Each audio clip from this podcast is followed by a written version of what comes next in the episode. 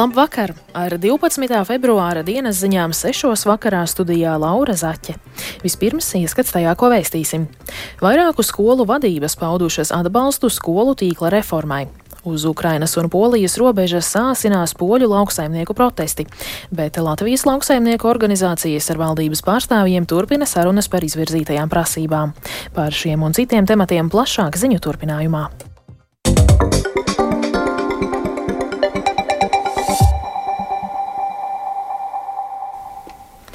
Ziņas sāksim ar sēru vēsti. Šodienas 65 gadu vecumā mūžībā devies rokmūzikas leģenda, iemīļotais latviešu komponists, multiinstrumentālists un grupas pērkons dibinātājs Juris Kulakovs. Viņa ieguldījums latviešu rokmūzikā ir ļoti plašs un daudzveidīgs. Vairāk baibas kušķas ierakstā. Galvenais, lai tevī pašā uzplaukst sapumpurots zažs. Viena alga, kas tev priekšā, draugu pulks vai zvēru bars. Dziesma par sapumpuroto zaru, ballīte, gulbis ir tikai daži no Jūra Kulakova hītiem, kas nenoveco nekad. Visciešāk viņa darbība saistās ar grupu Pērkons, bet kopumā viņš vienlīdz jaudīgi darbojies kā roka mūzikā, tā akadēmiskajā mūzikā. Apbrīnojami ir viņa mūzikas žanriskā daudzveidība, līdzās roka mūzikai arī grandiozas kantātes, kamermūzikas cikli, mūzika izrādēm un izcilas kora dziesmas. Neatkarība, originalitāte, dziļa cilvēciska sirsnība, tie ir atslēgas vārdi, kas raksturo Juri Kulakovu. Viņš bija arī ārkārtīgi augstas raudas profesionālis. Par savas dzīves lielo skolotāju viņu dēvē dziedātājs grupas pērkons dalībnieks bijušais kultūras ministrs Nauris Puntulis. Šis iespējas par Juri ir diezgan maldinošs. Jā, no vienas puses neordināra persona, brīvdomātājs un bohēmists un tam līdzīgi, taču savā būtībā viņš bija ļoti, ļoti prasīgs un stingrs kā profesionāls, pret mūziku, pret katru sevis radīto skaņu un pret katru izpildīto skaņu takti ik pret vienu no tiem, kas viņa mūziku izpilda. Pirmkārt jau pērkonis, viss instrumentālists, viss vokālists. Viņš bija ļoti stingrs un prasīgs profesionāls, es teiktu, visaugstākās raudzes profesionāls, kādu populārajā un roka mūzikā patiešām nemaz nav tik daudz. Izcili sirsnīgs cilvēks ar milzīgu mīlestību uz dzīvību un cilvēkiem apveltīts ar vēlēšanos citiem palīdzēt mīlestības darbos, tā Juri Kulakau raksturo dziedātāja Ieva Akurātere. Kā mēs kādreiz ar viņu vienojāmies vienā domā, ka tāpat kā Bahs kādreiz ir pasludinājis, ka katra dots, ko viņš raksta, ir veltīts dievam un mīlestībai, tāpat arī Juris to pašu apliecināja, un tā tas arī ir noticis. Cilvēks, kurš ir bijis ārkārtīgi aizrautīgs un neprātīgs, bet viņa lielā gudrība un lielais prāts bija viņa bezgalīgajā mīlestībā uz cilvēkiem. Un mūzika caur viņu skanēja kā dievu radīta tāvana cilvēkiem lai viņi apzinātos jā, to tuvuma un mīlestības spēku vērtību.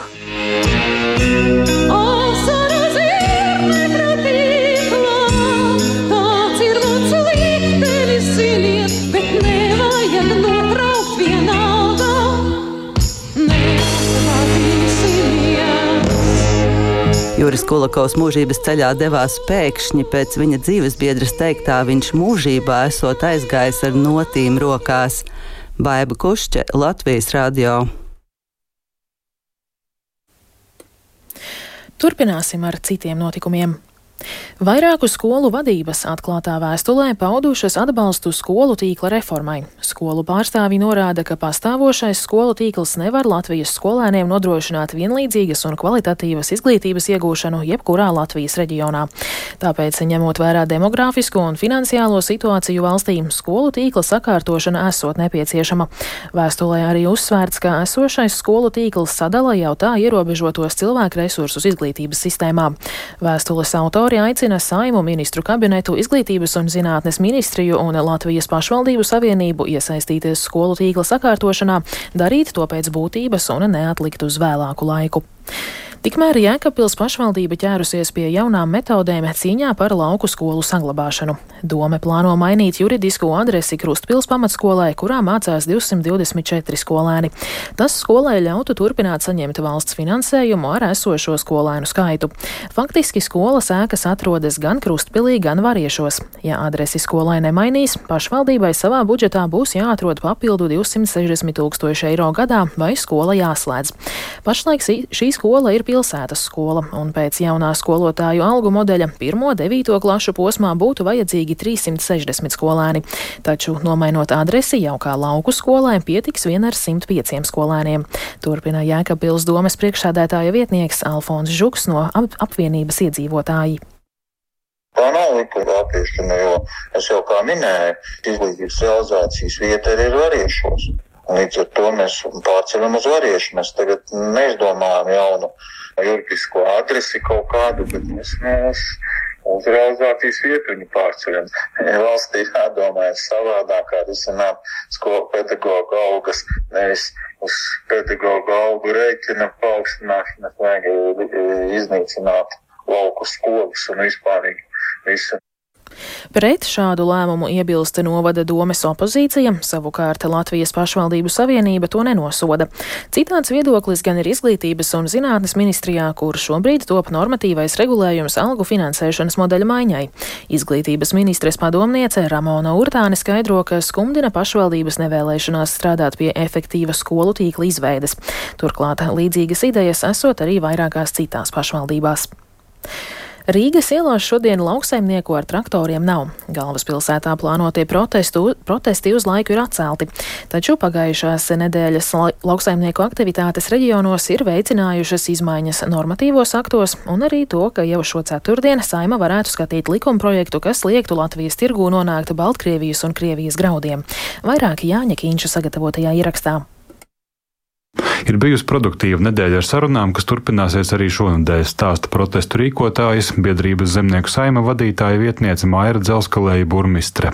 Vairāk normatīvi akti virzās valdības darba kārtībā, bet saima ceturtdien varētu balsot par Krievijas un Baltkrievijas izcelsmes lauksaimniecības produktu importa pārtraukšanu Latvijā. Jā, atkal ierēģi un politiķi iegrims pašapmierinātībā, darbi ļoti lēni atkal ies priekšu. Droši vien mēs atgriezīsimies, kad uh, zemnieku neapmierinātība būs tik liela, ka uh, atkal tiks darbināti traktori.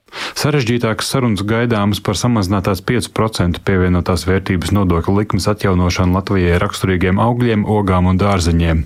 Šāda nodokļa likme bija spēkā līdz šim gadam un paredzēja atjaunot 21% likmi. Tomēr šim gadam saima noteica 12% likmi. Lauksaimniekus pārstāvošās organizācijas ir apņēmušās pacīnīties, lai saglabātu pazeminātu šī nodokļa likmi arī nākamgad. Iepriekšējos gados saimniecībām tas bijis liels atbalsts, stāsta Latvijas augļu kopiju asociācijas vadītāja Māra Rudzāte. Viņa atsaucas uz kolēģi teikto gan par krītošām iepirkuma cenām lielveikalu ķēdēs, gan arī par gala cenu ietekmi uz patērētāju izvēli pacēlies gan, teiksim, minerāli mēsli, gan viss darba spēks. Ja mēs to visu varētu pārdot, tad nav vienalga, cik tas PVN ir. Kad jūs ieiet veikalos, paskatāties, kā cilvēki izvēlās, nu, viņi ļoti skatās, kur ir lētāk. Vienlaikus no zemnieku saimnes pieteiktajām protesta prasībām norobežojās, piemēram, bioloģiskās lauksaimniecības pārstāvji. Tas arī iezīmē lauksaimniecības organizāciju atšķirīgos redzējumus, saduroties arī lielo saimniecību un mazo un vidējo saimniecību interešu aizstāvībai. To jau pagājušajā nedēļā ilustrēja Latvijas Bioloģiskās lauksaimniecības asociācijas vadītājs Gustavs Norkārklis un zemkopības ministrs Armants Krauz no Zaļo un Zemnieku savienības. Te ir tā mūsu sadrumstalotības starp lauksaimnieku organizācijām, kad mēs sēžam pie galda strīdamies, un vienam tādas intereses, otram tādas. Tas ir tā, īstenībā viena no galvenajām problēmām, kāpēc ir tie protesti un lauksaimnieki neapmierināti. Man, protams, ir svarīgi, lai tas nav vienas organizācijas eh, priekšlikums, bet lai eh, vairums no lauksaimnieku organizācijām to atbalsta. Politisks lēmums nevar būt pretēji nozares interesēm. Notikušos protestus daļai atbalstīja Latvijas jauno zemnieku klubs. Tās valdes loceklis Rudolfs Pūksens atzīst, ka piekrīt visām protestu prasībām. Viņš īpaši uzsver, ka darba datu uzskaitē ir jākļūst vienkāršākai. Bet jautājums, kā mēs to iekšēji šeit Latvijā sakārtojam, lai viņi būtu pamatoti un viņi būtu saprotams, kur tie dati tālāk arī aiziet, ko mēs ar to varam panākt nākotnē, sev varbūt labvēlīgāk. Zemnieku saimnieki jau šajā nedēļā ar zemkopības ministru un vides aizsardzības un reģionālās attīstības ministri apspriedīs iespējas atbrīvoties no zemes lietošanas apgrūtinājumiem datos. Jānis Kincis, Latvijas Radio.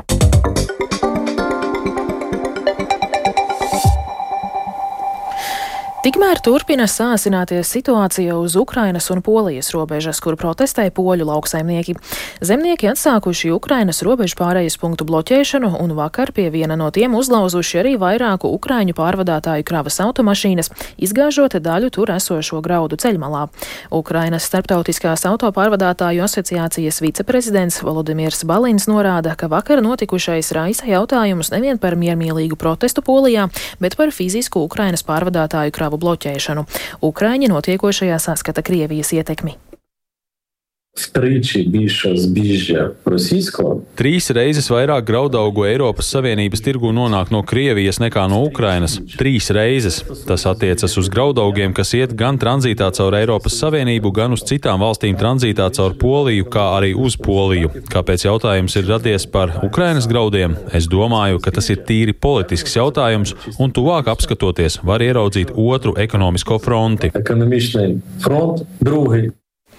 Pērnā gada nogalē, novembrī, kad Polijas autopārvadātāji uz robežas īstenoja līdzīgu blokādi, Ukrainas banka bija aprēķinājusi, ka novembrī viena Ukrainas ekonomikai šāda blokāde nodarījusi kaitējumu aptuveni 1 miljārda eiro apmērā.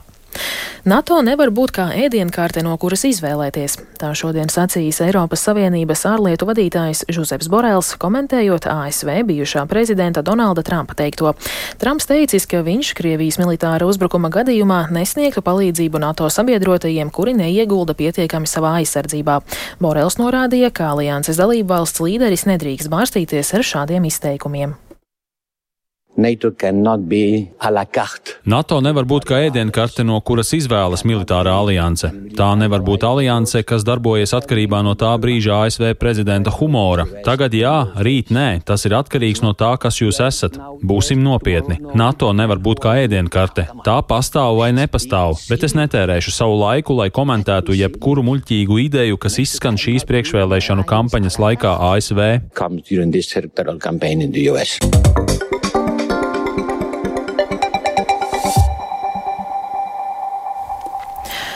Un vēl par sportu. Pie Daugavas stadiona šogad atklātās vieglatlētikas manēžas aprīkošanu plāno pabeigt līdz vasarai. Tā Latvijas radio raidījumā piespēle izteicās Latvijas Vieglatlētikas Savienības ģenerālsekretārs Dmitrijs Miļkevičs. Viņš norāda, ka šobrīd ir pasūtīti dažādām disciplīnām nepieciešamie sektori un inventārs, bet to atvešana uz Latviju, kā arī uzstādīšana prasīs vēl kādu laiku. Visur procesā daudz kas vēl tiek pasūtīts. Tas pats lodziņa grūšanas sacensību sektors ir ceļā.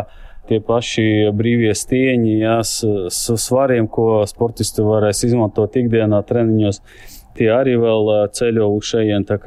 Protams, bija variants, vai nu mēs gaidām, kad ir pilnībā viss ir gatavs un tikai tad mēs ejam iekšā, bet, nu, protams, visi gatavi iet tādā, kāds viņš šobrīd ir, kur ir 90% viss ir gatavs un kaut kāda sīkuma vēl būtu bijis trūkst. Simtprocentīgi droši vien būs tā līdz vasarai būs viss, bet, nu, kā mēs redzējām, mums jau šeit ir notikušas pirmās sacensības, kur 500 sportisti jau ir startējuši.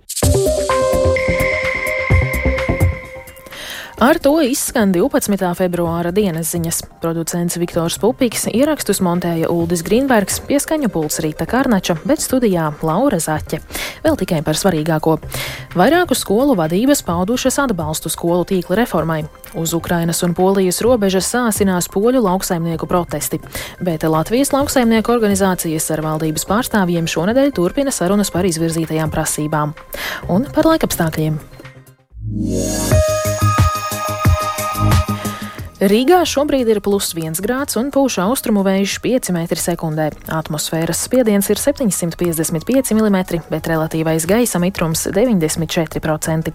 Naktī daudz vietā valstī gaidāms sasalstošs lietus un veidosies ļoti stiprs apledojums, bet par turpmākajās dienās gaidāmo laiku stāsta sinaptiķis Tomas Bricis.